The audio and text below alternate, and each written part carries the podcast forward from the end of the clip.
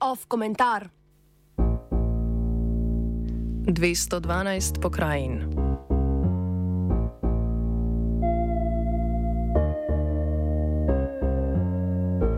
Slovenija je po 143. členu Ustave Republike Slovenije razdeljena na pokrajine. Tako naj bi vsaj bilo, a dlje od člena Ustavi do danes nismo prišli. To je po svoje logično, saj mora razdelitev upoštevati mnogo dejavnikov. V dogovarjanjih, pogovarjanjih in razpravljanjih o pokrajinah so, relevant, so se relevantni dejavniki, na podlagi katerih bo tak zakon obstal ali padel, zelo jasno izkristalizirali. Izkazalo se je, da, je, da ključna dejavnika nista geografska in zgodovinska razdelitev Slovenije, temveč jo je nadomestil lokal nacionalizem, na katerem gradijo župani željni novih pozicij ali širših pooblastil.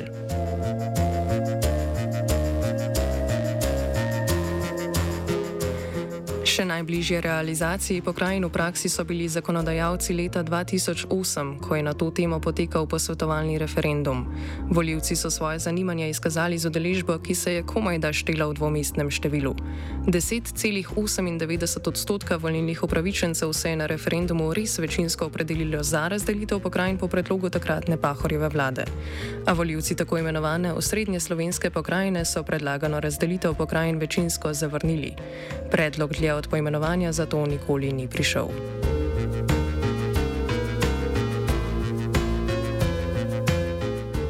Zdi se, da se je prejšnji mesec z uložitvijo predloga zakona, ki se je pripravljal pod okriljem pogosto pozabljenega zgornjega doma parlamenta, storil korak naprej. Državnemu svetu, katerega prioritetna naloga v zadnjem mandatu je bila, poleg veto v manjšinski šarčevi vladi, oblikovanje tega zakonodajnega predloga je vendarle uspelo uskladiti vse županske parcialne interese in zakonski predlog je poslal v državni zbor. Ne gre za prvi tak predlog. Pred nekaj manj kot tremi leti je ta isti državni državni svet predlagal skupno 12 enot, 10 pokrajin in posebno vlogo največjih dveh mestnih občin.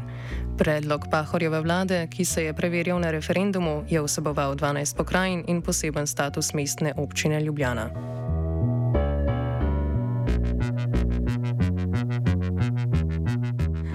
Aktualni predlog Slovenijo deli še na manjše dele. Slovenijo naj bi razdelili kar na 15 pokrajin in Ljubljano kot posebno enoto, skupno 16 delov. V povprečju to pomeni, da bi ena enota obsegala dobrih 130 tisoč prebivalcev. Če odštejemo mestno občino Ljubljana, ki naj bi uživala poseben status in v kateri prebiva slabih 300 tisoč občanov, ima povprečna pokrajina tako še nekaj manj prebivalcev. Vsaka pokrajina bi imela še svoj sedež, svoj sedež pokrajinskega sveta in svoj sedež sveta občin. Vse to je po mnenju državnega sveta, v katerem imajo poglavitno vlogo župani, nujno za delovanje pokrajin.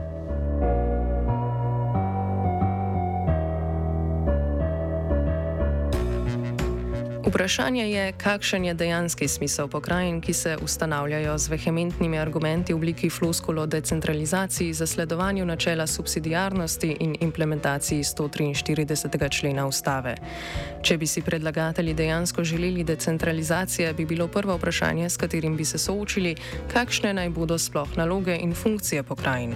Po besedi, besedah Alojza Košce, predsednika državnega sveta in podpredsednika stranke konkretno, ki je na zadnjih državno-zborskih volitvah v koaliciji Slovensko ljudsko stranko pogorila, naj bi pokrajinske pristojnosti postopoma dodali v naslednjih sedmih letih. Poudaril je tudi, da so pri pripravi sodelovale mnoge občine, ki so izražale različne pomisleke o zakonskem predlogu. Kot lahko preberemo v temeljitvi zakona, predloga zakona, so se pripombe nanašale predvsem na meje pokrajin in njihove sedeže. Z razlagami, zakaj bi njihova občina morala biti v tej ali oni pokrajini ali celo načelovati svoji, predstavniki občin v medijih niso skoparili. Naloge in funkcije so bile drugotnega pomena. Tako je državni svet v parlamentarni postopek uložil kompromisni predlog, ki med drugim osrednjo slovensko regijo deli na severno in južno.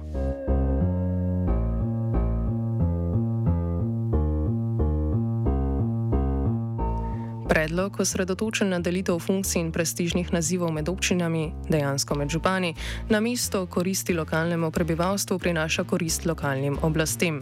Že tako pogosto netransparentna lokalna politika se bo še okrepila, nove funkcije pa bodo povečale monopole bodočih superžupanov, ki se le redko soočajo s pravo opozicijo.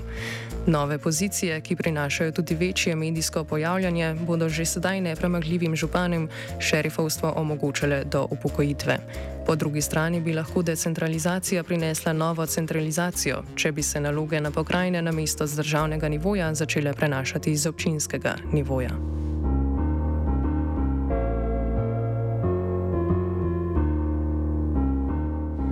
Za pokrajinsko zakonodajo je bil mnogo bolj zainteresiran tako imenovani desni politični pol. Čudenje je tu več. Desni pol, ki že tradicionalno izgublja parlamentarne in predsedniške volitve, na oblast pa se občasno povzpne zaradi nesporazumov na nasprotnem polu, v rokah še vedno drži precejšen del moči na lokalni ravni. Največ županskih mest je na zadnjih volitvah osvojila Slovenska ljudska stranka, ki ji sledi Slovenska demokratska stranka.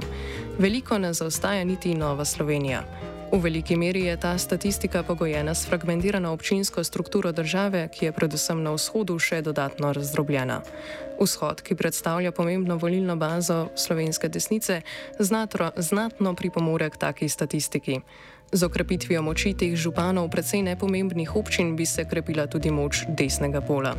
Na vides je to v interesu predvsem Slovenske ljudske stranke, ki se je že tretjič neuspešno poskušala prebiti v parlament, a ostala pod pragom.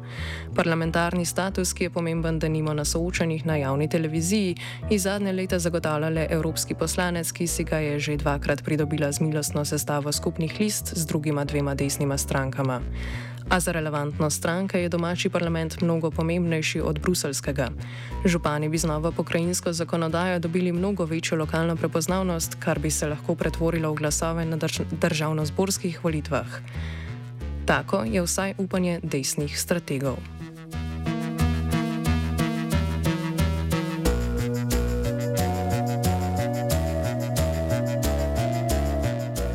Podoben načrt je desnica želela izvesti že v prejšnjem mandatu.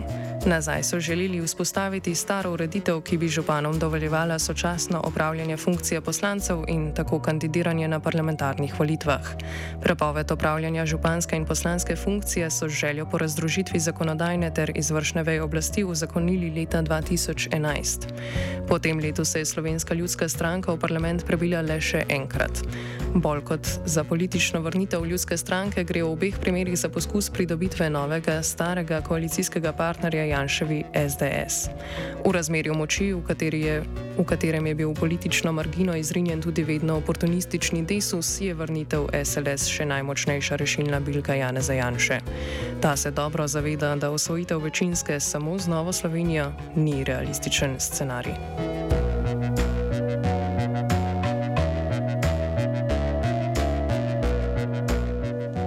Za potrditev zakona o pokrajinah je potrebna dvotretinska večina.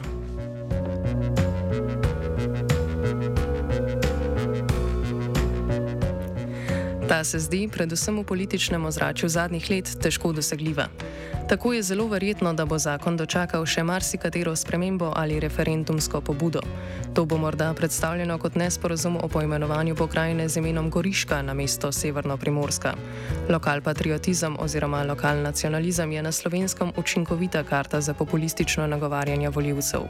Potem, ko se bodo ti prepirali, ali naj najbolj severovzhodna pokrajina nosi ime Pomurska ali prekmursko-prleška, si bodo župani na novo delili vse mogoče sedeže, ki jih po njih njihovem mnenju pokrajine nujno potrebujejo za delovanje in Slovenijo delili še na manjše dele.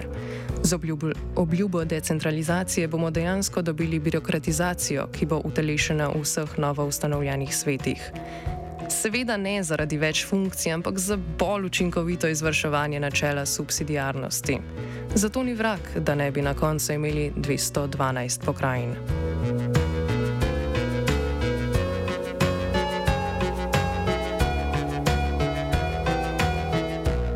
Komentiral je Blaž.